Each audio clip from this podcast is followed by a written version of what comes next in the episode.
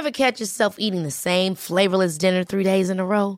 Dreaming of something better? Well, HelloFresh is your guilt-free dream come true, baby. It's me, Gigi Palmer. Let's wake up those taste buds with hot, juicy pecan-crusted chicken or garlic butter shrimp scampi. Mm. Hello Fresh. Stop dreaming of all the delicious possibilities and dig in at HelloFresh.com. Let's get this dinner party started. Ryan Reynolds here from Mint Mobile. With the price of just about everything going up during inflation, we thought we'd bring our prices down. So to help us, we brought in a reverse auctioneer, which is apparently a thing. Mint Mobile unlimited premium wireless. Ready to get 30, 30, bit to get 30, bit to get 20, 20, 20, bit to get 20, 20, bit to get 15, 15, 15, 15 just 15 bucks a month. So, Give it a try at mintmobile.com slash switch. $45 upfront for three months plus taxes and fees. Promo rate for new customers for limited time. Unlimited more than 40 gigabytes per month. Slows. Full terms at mintmobile.com. Hey, it's Paige DeSorbo from Giggly Squad. High quality fashion without the price tag. Say hello to Quince. I'm snagging high-end essentials like cozy cashmere sweaters, sleek leather jackets, fine jewelry, and so much more. With Quince being 50 to 80% less than similar brands. And they partner with factories that prioritize safe, ethical, and responsible manufacturing. I love that. Luxury quality within reach. Go to quince.com slash style to get free shipping and 365 day returns on your next order. Quince.com slash style.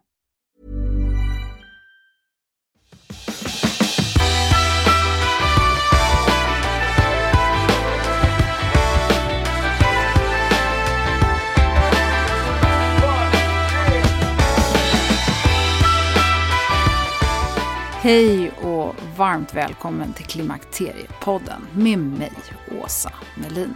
Kul att du är med! Det har varit en fantastisk lyssnarvecka med så många uppskattande hejarop. Så därför är det extra kul att få dela andra delen av intervjun som vi startade förra avsnittet med Katarina Voxnerud. Det är laddat att tala om kost och näring.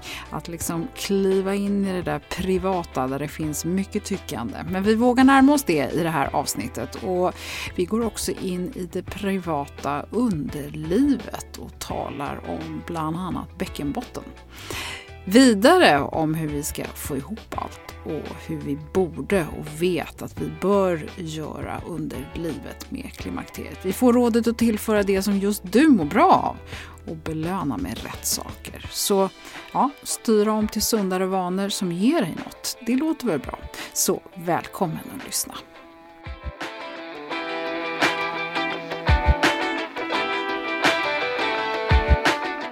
Hjärtligt välkommen tillbaka till Klimakteriepodden Katarina Voxnerud. Tack! Du och jag kör ett maratonpass här. Men, Ja. men du som lyssnar har jag, hoppas jag, inte missade förra avsnittet för då pratade vi jättemycket om rörelse, varför, leder, eh, nya spännande saker som fascia och, och vi pratade om kollagen och vi började prata lite grann om, om bäckenbotten. Och det här är ju ett av dina stora ämnen här. Vi pratar ju ganska sparsamt om urinläckage och, och bäckenbotten och sådär. Så vi, vi kan väl gå in på det först och sen så ska vi komma vidare i maten och, och vikten och fett och protein och vad vi behöver få i oss. För att Katarina har ju då skrivit en bok som är superaktuell nu som heter Livet med klimakteriet. Och det här är en otroligt bra heltäckande bok som inte bara ger dig insikt i, i det här med träning och, och fysik utan hela alltet och det tycker jag du verkligen har lyckats fånga väldigt bra på en nivå som jag tror att alla kan följa. Ja, kul. Mm. Ja, oavsett om man liksom är på en hög nivå eller låg nivå så tror jag att man kan, och kunskapsmässigt så tror jag att man kan följa det här. Och sen så är det några härliga också eh, berättelser från kvinnor som du har intervjuat som jag tycker också, ja det ger alltid bra, tycker jag, balans i en bok. När det inte bara är en superkvinna som du själv som liksom, så att säga berättar hur man ska göra. Nej, mm, och det är det som är intressant att så att alla, det är så individuellt så alla är ju så olika. Och det som gäller för en kan man ju inte bara ta copy-paste och sen köra själv också. Man kan ju testa och prova men försöka hitta sin väg och sin ingång till det och sen få just den här långsiktigheten. Att man ser liksom att men det är liksom, nu har vi ju resten av livet på sig här. Så att, Ja. vad ska man göra, hur ska det se ut? Vi avslutade förra lite grann med att prata om, om förlossningsskador och bäckenbotten och det som kan kännas tyngdmässigt och, och sådär. Du jobbar ju väldigt mycket med utbildning just kring mamma, mage, bäckenbotten och så vidare. Kan vi, kan vi inte prata lite mer om det? Vad är det som kan dyka upp just kring klimakteriet som kan vara relaterat till just förlossning och vad som har med bäckenbotten att göra och vad som kommer nu? Just det. Eh, och det är ju att många kan ju uppleva besvär med, om man säger magen, att man känner att man inte har stödet i magen eller det känns konstigt i magen. Magen, typ som många beskriver, man har inte någon koppling i mitten på kroppen, att man sitter liksom inte ihop. Eh, men bäckenbotten, att det kan vara att man känner det här som en tyngdkänsla ner, eh, någon skavkänsla. Det kan kännas som en tampong som sitter snett. Man kanske känner man kissar på sig. Eh, man vågar inte hosta eller nysa därför att då kanske man är rädd att läcka. Eh, man kanske pruttar, slidpruttar. Eh, så allt det här är ju tecken, kan ju, är ju tecken på att det kanske är då med bäckenbotten och man bör kika på det. Och det som, som vi jobbar mycket, eller jag jobbar mycket med, det man tittar ju dels på funktionen just och sen ser vad behöver man lägga till någonting för att bli, få en bättre, få starkare funktioner, bättre koppling i kroppen. Eller är det kanske att det är för mycket redan? Eh, är det någon person som går och kniper hela tiden till exempel och med bäckenbotten och försöker, är rädd att man ska läcka så kniper med musklerna precis hela tiden. Då kan ju musklerna likväl bli överspända. Och Jag brukar beskriva det här som att det är ungefär som om alla lyssnare nu, om ni spänner er arm allt vad ni kan, så spänner man armen allt vad man kan och så ska man gå omkring så i tio timmar. Och sen går du till, till gymmet till exempel, då har du ju ingen styrka kvar i muskulaturen utan du orkar inte längre. Och då om du går omkring och liksom kniper med muskulaturen medvetet Eller håller in magen, som många eller gör. håller in magen, ja. Då blir ju musklerna helt överspända.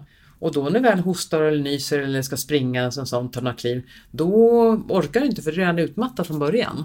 Så läckage och även då smärta, bäckensmärta, smärta vid sex, Ehm, det kan vara det kan vara indikationer på att det kanske mer är spändhet i bäckenbottenmusklerna. Då behöver man mer avslappning. Och då är det ju lättast liksom via djupandning och andning att komma, försöka komma tillbaka till det. Men igen då, typ, har man smärta eller problem med ett område och eh, den här tyngdkänslan, skavkänslan, då alltid är så här, gå alltid först till gynekologen och kolla upp liksom så här strukturellt och hur det ser ut och så man får ett klartecken därifrån. För gynekolog är ju, är ju läkarutbildad så att titta på det först. Och sen sök vidare och sen se vad är det som egentligen är bekymret. En del kan ju vara svaga i bäckenbottenmusklerna också just och så man behöver ju mera knip eller lyft, som jag skulle vilja säga. Man ska lyfta upp hela bäckenbottenplattan. Knipa för så många gånger tankarna till när man kniper av rör och tycker jag kniper längst ner i bäckenbotten och det handlar ju med att man ska försöka lyfta upp hela plattan. Man, ja, hissen hela vägen upp, ja. Den här gamla instruktionen om att man ska knipa av kistrålen till exempel. Det är ju någonting som man kan, man kan ju testa det om man vill när man, om man nu går på toaletten och sitter och kissar men det är inte där man ska träna och att om man tokkissar, man bara, tsch, allt bara åker ut, då, är, då har man inte liksom, då ska du inte kunna knipa av egentligen heller. För att när du kissar runt urinblåsan har du ju en muskel så att när du ska kissa så drar den muskeln ihop sig och då ska bäckenbotten slappna av. Det är liksom reflektoriskt. Och då om du kissar för fullt och sen försöker du då gå emot dina reflexer och dra ihop allt det här, det, är liksom, det, det går emot lite grann det vi har inprogrammerat i oss. Så vill man testa det här med knipa kisslåren kan man göra det när man kissar lite mindre. Samtidigt som det, då kniper man ganska långt fram och, och lite ytligt vad det kan kännas som. Och då kan man även testa på att försöka hitta bäckenbotten mera längre bak, mitten och bak och försöka få det här lyftet uppåt. Och det är ju här igen då viktigt att ha en bra funktion i bäckenbotten med både vara stark och snabb och kunna arbeta likväl som att kunna slappna av och spänna av. Och alla de här bäckenbottenmusklerna och magen, där man ser då, jag kallar det bukväggen, det är ju magmuskler då, den här bindväven, fascian och huden. De tillsammans är ju viktiga stöttningar till alla inre organ. Det är ju livmoder, urinblåsa, ändtarm, alla tarmar, allt som finns på insidan. Så att man har en stark bukvägg, mag, magvägg, magmuskler och bra funktion där, det, det håller ju stötta in alla tarmarna och allting på insidan där. Och bäckenbotten är ju stöttning för alla inre organ. Och bäckenbotten jobbar ju då även med diafragmamuskeln vid, all, vid andningen. Man ser helheten, det är inte bara en muskel man tittar på den här muskeln här utan andningen och bäckenbotten och magen, allting är samman. Och precis som du säger det här att gå omkring och hålla in magen allt vad man kan. Det är inte heller någonting som är, då hindrar man ju andningen och hindrar den här naturliga rörelsen i kroppen. Det sägs man andas in när man tittar på med vissa som har tittat på med ultraljudet. När man andas in den här, då har den här diafragmamuskeln, den ligger ju mellan brösthåla och bukhåla. Och vid en inandning, djupinandning, då sänks den platta med 5-10 centimeter. Wow. Och det innebär att hjärtat åker ner 5-10 centimeter och levern åker ner 5-10 centimeter och magsäcken och tarmar och allting. Och då buktar bäckenbotten lite grann neråt och magen buktar lite grann utåt. Och sen när man andas ut, då lyfts diafragman upp igen och då åker allting in och upp. Det är som en sån fin dans på insidan verkligen. Ah. Och då den här djupandningen, man då kniper bäckenbotten, håller in magen och andas upp i bröstet. Då missar vi hela den här naturliga liksom, massagen av sina inre organ. Och det är verkligen en viktig funktion att behålla den här flödet i kroppen och liksom matsmältningen och tarmar och allting sånt. Så att, ehm, att inte låsa sig men inte heller bara slappna av och allting. Man ska inte bara... ut. Nej. En sak som jag har tänkt på eh, det är så här, efter orgasm så känns det som magen är större, att den liksom putar ut. Det kan vara att du har, man tar i och då blir det när man får en automatisk avslappning utav allting. Och då slappnar de här djupare muskelsystemen av också. Så att det kan vara därigenom då att det känns som att det, man får en Ja, automatisk den liksom, avspänning. aha, det är ju efteråt som den bara kollapsar. Ja, ja, kroppen bara liksom slappnar av och det Ah, blir den... okej. Ja, Okej. mm. Ja, intressant. Men som sagt just i, i vardagen då att man inte, för ibland pratar man om det här med att varken spänna för mycket men man ska Ah. bara slappna av helt. Men du ska ju ha en grundspänning i kroppen för att orka hålla upp dig. Just Så det. magen ska ju ha en liten lätt spänning och bäckenbotten ska ha en lätt spänning men inte för mycket. Nej, okej. Eh, vi går in på det här med mat och vikt. Det är ju eh, den här stora stötestenen, laddat ämne. Eh, vi har lite grann med instinkter som du, vi pratade lite innan här också, känsloätande och sådär. Du har ju jobbat väldigt mycket med den här delen av boken. Och du har ju en av mina favoriter eh, med i boken också, Kristina Andersson, som den flitiga lyssnaren kan ha hört i avsnitt 50 och 69, som har mycket kloka saker att säga kring eh, just kost, som har också är citerad i boken. Men berätta, ja, du har jobbat mycket med den här delen. Berätta, hur då? Varför? Eh, men kosten är ju liksom, det är ju kost och mat, det är så otroligt mycket tyckande och tänkande kring det. Så att, eh, och det finns så många olika vägar att gå därmed, precis som med träningen. Och att försöka hitta någonting, att vad det är som, vad kan man säga, vad är, Hela boken är ju vetenskapligt granskad utav, alltså från folk som verkligen är, kan saker och ting och alla kapitel och allting är genomgått. Och, och då vad kring kosten och maten så finns det ju väldigt många personliga tycken och tänkanden. Men vad kan man då enas kring i mitten? Vad är som den här grunden och hur kan man se på det eh, från början just då? Så det är väl där då att försöka hitta till vad är, vad är någonstans giltigt för alla? Och att man sen då kommer ihåg, precis som med alla rekommendationer, att du och jag, vi är ju liksom inte, du är en individ och jag är en, en individ och vi kanske hamnar på helt olika längst ut i kanterna på, på liksom det här normala spannet på varsin kant.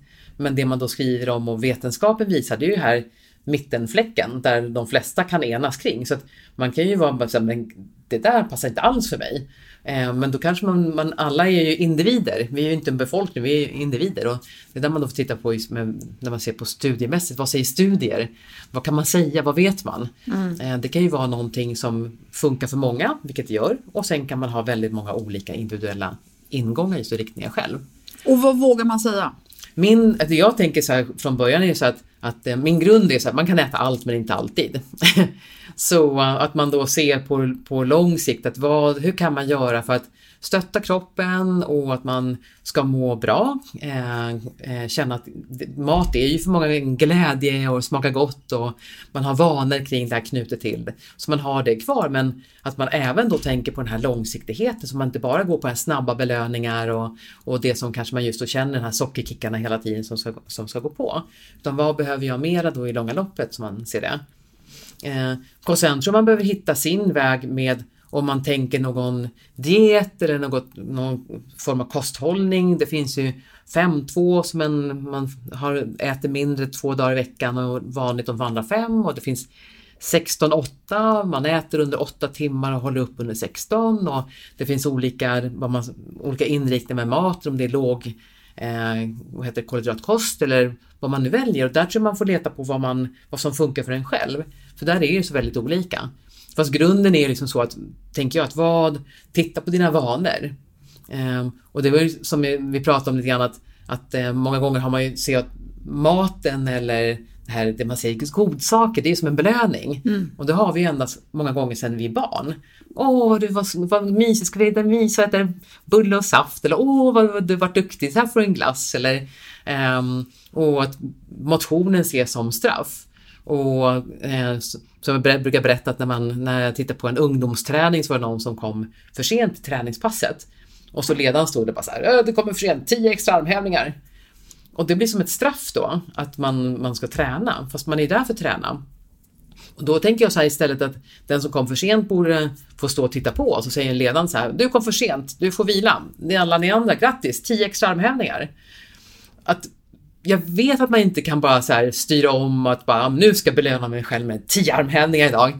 Det är inte kanske det, det går inte så fort, det är inte så kanske man tänker idag.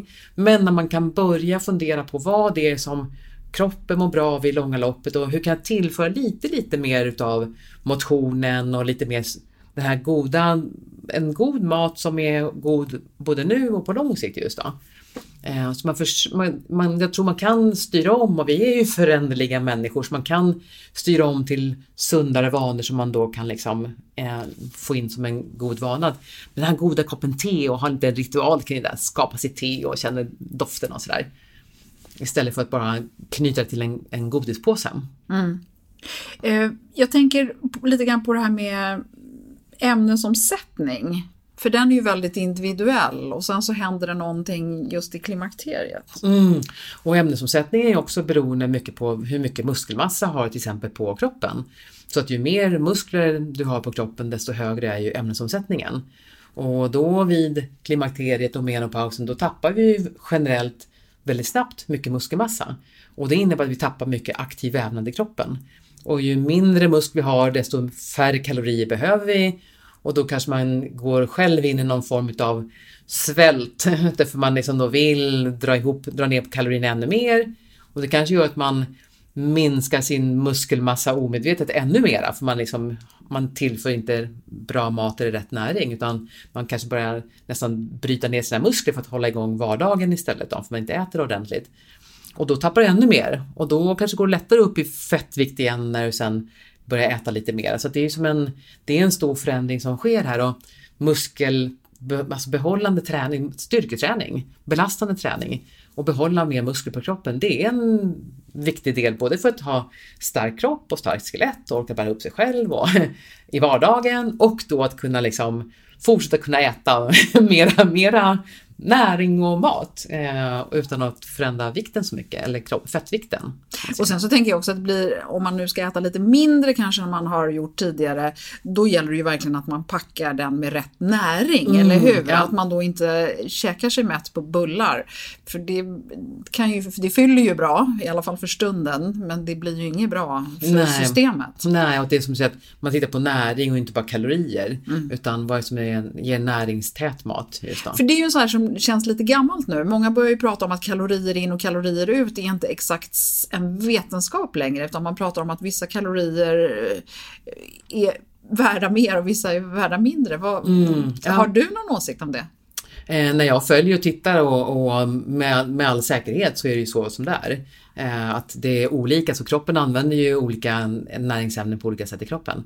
Eh, och att man då vid menopausen brukar man prata om också då när ämnesomsättning kanske sjunker, att man då tittar på att äta även mat som mättar mera så att man inte bara tänker kalorier utan vad är det som ger mig mer mättnadskänsla? Och där till exempel så ser man ju att proteiner har ju en, ofta en bra eh, mättnadskänsla efteråt så att man styr över lite mer på proteiner i sin mat. Eh, då håller du mätt längre för det antal kalorier du får i dig.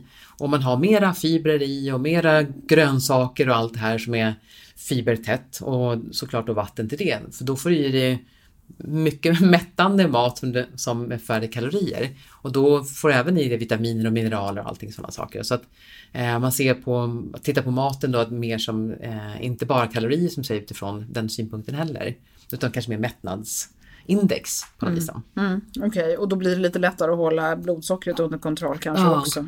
Och sen tänker jag även på det här med hur man äter, vad har för tallrikar, om man har så här megastor tallrik med som är jättestor så har man en liten vanlig portion. Det ser ju ytterpytteliten ut där på sin på tallriken. Liksom så. Och så här, oj jösses, ska jag bara äta det här lilla? Men lägger du den på en kanske mer vanlig stor tallrik eller på en liten tallrik, då ser det helt plötsligt mycket mera ut. Mm. Och det har man gjort olika sådana här studier på, att man har gett till exempel studenter eh, att man har de här olika läskstorlekarna då i, i eh, som man då har i, i till exempel snabbmatsrestauranger. Att hur mycket, om du får en stor burk med bara lite läsk i, då känns det så här, man har pyttelite men har en liten burk men du har, den är full med läsk, då känns det mycket, mycket mer helt plötsligt. Så att vad du har, hur du förpackar det är ju också mycket för ögat. Och det tycker jag man kan ha med sig då när man ska äta och hur man liksom beter sig med maten också. Att hur ser det ut, vad lägger jag upp det på, hur ser det ut på tallriken? Och så att man, man äter lika mycket med ögat liksom så, som, som med resten just då.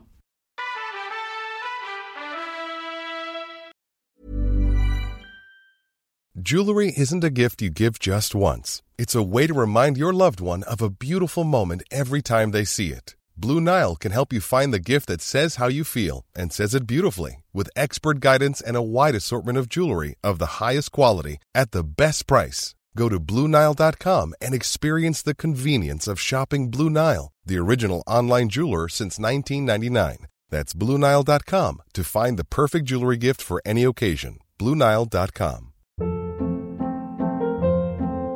Hold up. What was that? Boring. No flavor. That was as bad as those leftovers you ate all week. Kiki Palmer here, and it's time to say hello to something fresh and guilt-free. Hello Fresh. Jazz up dinner with pecan-crusted chicken or garlic butter shrimp scampi. Now that's music to my mouth. Hello Fresh. Let's get this dinner party started. Discover all the delicious possibilities at hellofresh.com. One size fits all seemed like a good idea for clothes. Nice dress. Uh, it's a it's a t-shirt. Until you tried it on.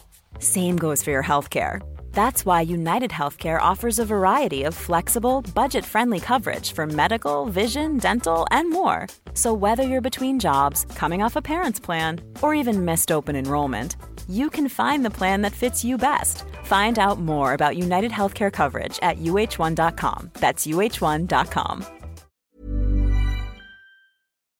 Det är härligt att klimakteriets tabu äntligen är på väg bort. Vill man försöka klara sig utan hormonbehandling så finns nu många nya kosttillskott som lovar bland annat hormonell balans och som ska stötta brister. Jag vill lyfta min räddare i nöden, femarell. Det har inte bara varit min utan många andra kvinnors räddning i över 20 år. Och med lång tid på marknaden, med nöjda användare, dessutom med 20 forskningsstudier så vågar jag säga att det kan vara en god idé att prova femarell. Femarel finns på apoteken och i hälsokostbutiker. Tack Femarel som varit min samarbetspartner i många år. Vad tycker du om kosttillskott generellt?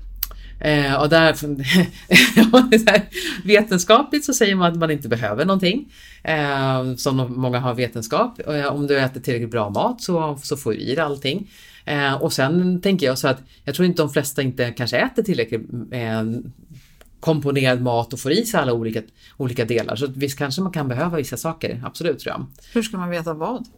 Ja, då bör man nog få hjälp och titta då, gå till någon som, som jobbar med kost, näringsfysiolog eller dietist eller någonting, så man får den hjälpen att titta på hur ser det ut just som du säger. Mm. Och är man då att det är mycket snabbmat och som du säger och bullar och alla mer kalorier och inte så mycket näring, då kanske man behöver någonting. Men grunden då kanske man först bör styra om till till mera mat liksom så från början. Mm. Men sen tittar man på det finns man ser att ja, men vissa tillskott kanske skulle behövas vid eh, till exempel menopauser men där är ju också väldigt lite, man är inte enig om vad och när och hur och allt det där.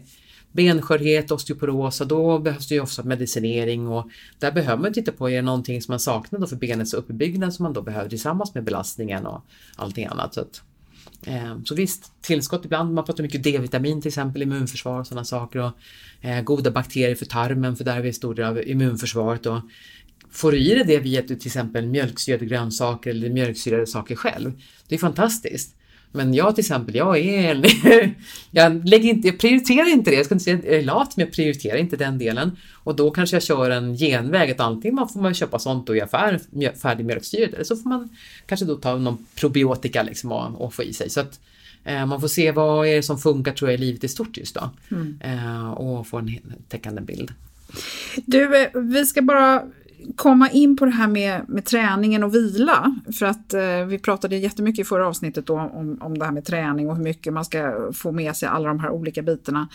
Eh, hur mycket, hur hårt och hur ska man liksom få in hela det här i sitt program? För det låter som det är så mycket man ska göra. Man ska ha sina muskler och man ska ha sin kondition och man ska ha hela allt det. Och sen är det livet och stressen ja. och så ska man andas och så ska man bäckenbottenträna.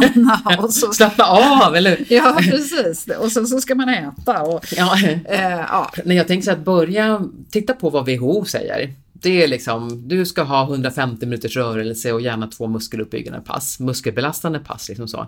Utgår man från det här grundläggande, liksom, att rörelse i vardagen, då, då är man liksom på en god väg. Någonstans är det att steget från ingenting till någonting, det är det största brukar jag säga. Och sen när vi väl är igång och har skapat en rutin och vana, då är det mycket lätt att lägga, lägga på mer saker.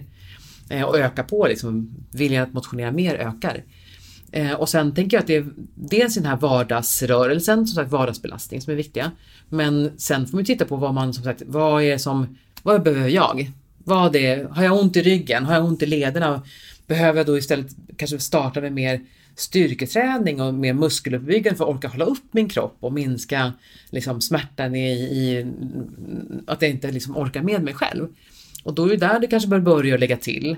Eller är det mer att man ser hjärt och kärl och blodfetter och liksom eh, andra system i kroppen, då kanske det är mer konditioner man då bör gå in på. Så att där får man nog lite grann kanske ta hjälp tänker jag och se, eller vad, vad man tycker är kul. Mm. Eh, och tänker man bara så här som du sa, att men styrketräning det är, oh, det är verkligen så här, måste bara göra.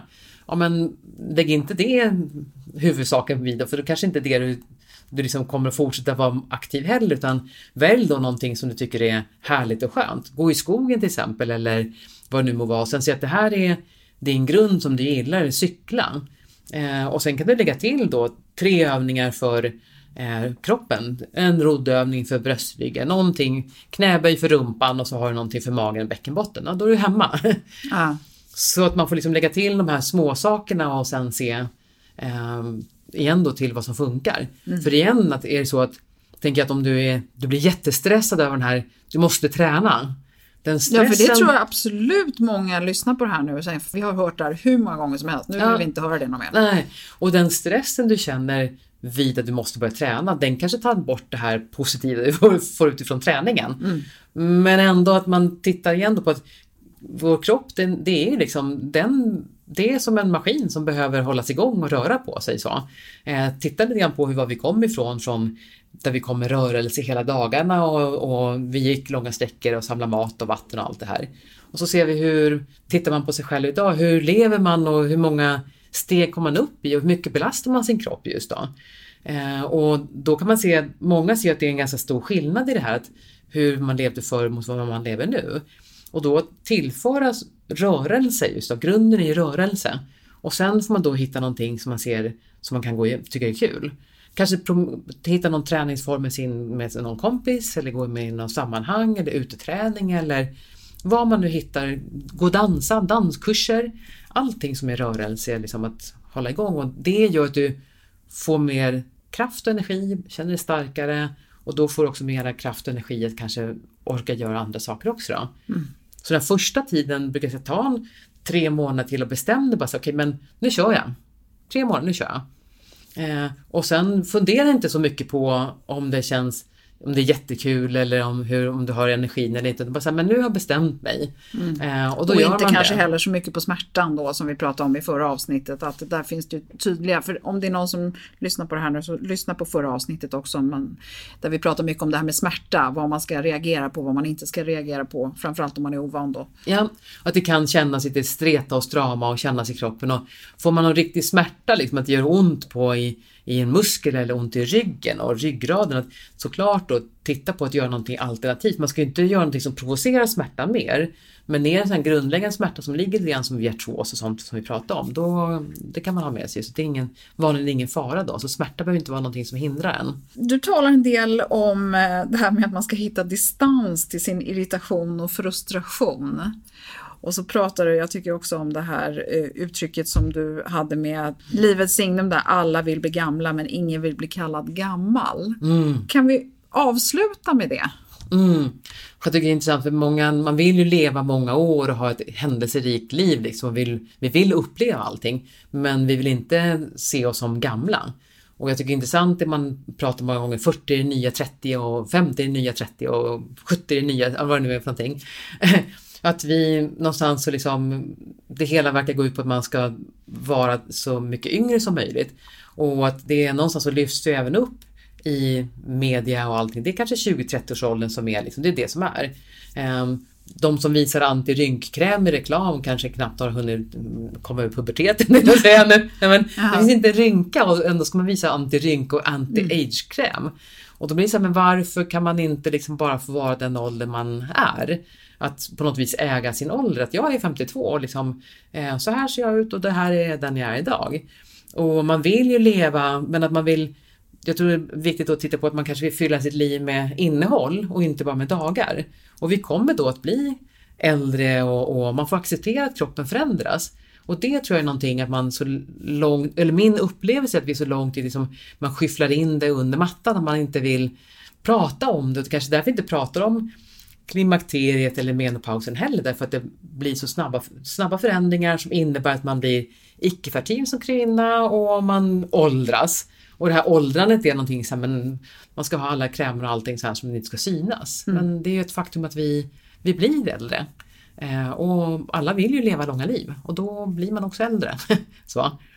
Men att man kanske inte ska rädas det och då att försöka se att vad kan jag göra för att vara så stark som möjligt. Och inte låta sig provoceras av det vi ser omkring oss kanske riktigt i samma grad som det är lätt att göra. Nej, och det är en fantastiskt skönt tycker jag personligen då i om man nu får se den här åldern att, liksom att man bry, jag bryr mig inte så mycket om vad, det har jag kanske inte gjort de senaste 20 åren, men ändå, vad folk tycker och tänker om mitt utseende eller hur jag prata eller beskriva. Såklart så bryr jag mig men det är inte att om någon säger så här, men gud hur, hur kan du ha hår sådär? Bara så här, jaha fast det är så jag har idag. Alltså, jag, jag, för mig spelar det ingen större roll att man har kanske hittat någonstans sin grund i livet och värderingar. Man, var så här, man kan få kalla sig tant. Jag brukar säga det, jag har rätt att vara tant. Det är fantastiskt. Det kan jag tycka och tänka. Med massa saker och, och liksom med en grund i sig att man inte behöver vara så orolig och kanske fundera på vad alla andra tycker och tänker heller. Utan många gånger tror jag i livet man kanske har hunnit någonstans dit man känner men det här är jag och, och det är helt okej, det är jättebra. Så här, det är det jag kommer att ha med mig resten av mitt liv att liksom jobba med sin kropp och inte mot hela tiden utan att man då säger så okej okay, det här är jag, jag har problem med, inte vet jag om någon har problem med knäna, någon annan har problem med ryggen eller vad man nu har med sig för någonting från livet hittills. Då kanske man måste lära sig att hantera det och se att man orkar vara stark resten av tiden som finns kvar. Mm. Min stora förebild är min mamma när hon liksom, hon var eh, vid 80-årsåldern när hon började bli lite krasslig då, eller fick hjärtklaffar och sådana saker. Men åkte in på sjukhus och då, då frågade de på akuten där på henne, till henne, jag var, jag var med där och hörde det här och ja, vad jobbar du med för någonting då? Och men snälla kära du, jag är ju pensionerad sedan många, många år. Och den första frågan som då dök upp därefter var, jaha, har du eh, hemhjälp? Så att från att vara att man tror att hon är är liksom, eh, jobbar och att hon är då i yrkesverksam ålder till att hon, man ser att oj då vänta hon är 80 år. Då är nästa fråga att har du hemhjälp? Ja. Och det tycker jag är intressant liksom att det är så som man tittar och mittemellan. klassar. Ja, mittemellan. Ja. Ja. Och då att orka hålla, hon rörde, hon, alltså, det var ju motion hemma. Hon börjar morgonen med lite ryggrörlighet och rörlighet för fotleden och handlederna för att orka bli gammal. Hon ville orka bli gammal och leva och träffa sina barnbarn och leka med dem. Och hon var från Finland och hon ville vara ute i skogen om somrarna och jobba med sina yngre syskon där och att se liksom att man har någonting att man, man rör sig och tränar för att liksom se att man, man vill behålla styrkan och, och orka uppleva saker och ting. Mm. Jag tycker Dagny, vår här bloggerskan, är fantastisk. Hon har ju någon gång citerats som att livet börjar vid hundra. Ja. Och det, låter, det är väldigt hoppfullt. Ja, det, ja, precis. Så då har man liksom en bra bit till då innan det ens börjar. Så det är fantastiskt. Ja. Istället för att se den här ålderstrappan att 50 och så är det liksom bara nerför. Ja. ja. Så vad kan man göra? Du Katarina, eh, tusen tack. Jag är jätteglad för att jag fick träffa dig eh, här idag. Tack själv att jag fick komma och vara gäst här hos dig också. Mm. Ja, men och så bara jättenyfiken nu. Nu har det gått ett tag sedan du skrev klart boken. Du har hunnit lägga på något år till. Eh, inte för att det betyder något uppenbarligen. Men vad har du kommit på så här i efterhand efter att boken har gått på tryck och liksom så här. Är det någonting som plötsligt har blivit en ny eh, insikt eller någonting som du vill dela som man inte kan ta till sig där? Nej, ingenting direkt så. Det är väl mer att titta mycket på just med eh, ämnesomsättning, vikten och där, där har jag inte så stort del i, i boken just då, men, men det står ju skrivet om det där med. Men där letar jag lite mer och försöker titta och hitta och se framåt vad, vad som finns. Och, och mycket det här som sagt att vad händer i, vad händer i kroppen själv? Jag har märkt själv de senaste det senaste halvåret att nu börjar det hända saker. Det märker ingenting det som då med menstruation och liknande, där är det fortfarande en regelbundenhet. Men att det blir en förändring i, i kroppen, vävnad, eh, stumhet och sådana saker. Det, det är så här, ah, okej, okay, nu händer saker och ting. Vad kommer hända, när kommer det hända och hur blir det framåt? Och det är liksom som en spännande resa så att det kanske blir en ny bok som får man berätta. Ja, precis. Det här är ju livet efter. Ja, ja.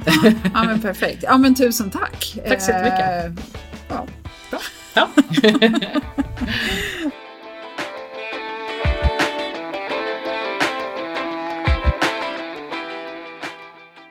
Så intressant, eller hur? Jag gillar verkligen Katarina och hennes förmåga att förmedla kunskap och hur hon väljer att hitta rimliga sätt och se på hur man ska lägga upp det och de här olika delarna och hur man ska satsa på vad. Gillar du det här och vill rekommendera avsnittet för någon så skulle jag bli jätteglad. På Facebook och klimakteriepodden.se finns några länkar som är relaterade till avsnittet. Jag måste också bara lägga till en liten insikt som jag har fått det senaste året och det är att jag upplever stor skillnad på att äta ordentligt med protein protein och fett för att jag ska hålla mig mätt och därmed kontrollera sötsuget.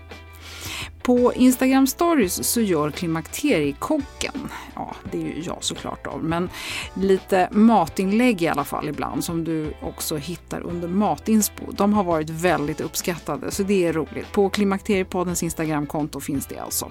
Enkel, nyttig och bra mat som går snabbt att laga när jag har feeling.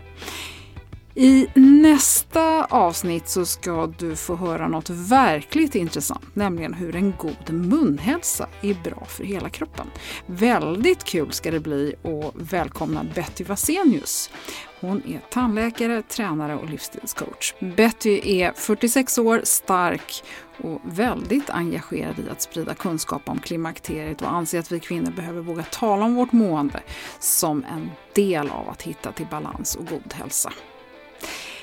Ja, och det håller ju jag med om till 100%. Så välkommen att lyssna snart igen. Och vill du kolla på tidigare avsnitt kan du lätt läsa om dem på klimakteriepodden.se.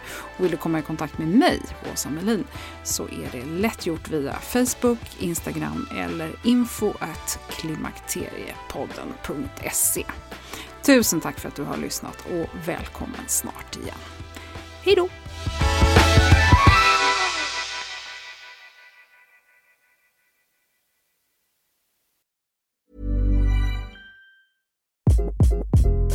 Hi, this is Craig Robinson from Ways to Win, and support for this podcast comes from Invesco QQQ. The future isn't scary, not realizing its potential, however, could be. Just like on the recruiting trail, I've seen potential come in many forms as a coach. Learn more at Invesco.com slash QQQ. Let's rethink possibility. Investco Distributors, Inc. Imagine the softest sheets you've ever felt. Now imagine them getting even softer over time. That's what you'll feel with Bowl and Branch's organic cotton sheets. In a recent customer survey, 96% replied that Bowl and Branch sheets get softer with every wash. Start getting your best night's sleep in these sheets that get softer and softer for years to come. Try their sheets with a 30-night guarantee. Plus, get 15% off your first order at bowlandbranch.com. Code BUTTERY. Exclusions apply. See site for details. Hey, it's Paige DeSorbo from Giggly Squad. High quality fashion without the price tag. Say hello to Quince. I'm snagging high-end essentials like cozy cashmere sweaters, sleek leather jackets, fine jewelry, and so much more. With Quince being 50 to 80% less than similar brands. And they partner with factories that prioritize safe, ethical, and responsible manufacturing. I love that. Luxury quality within reach. Go to quince.com slash style to get free shipping and 365 day returns on your next order. Quince.com slash style.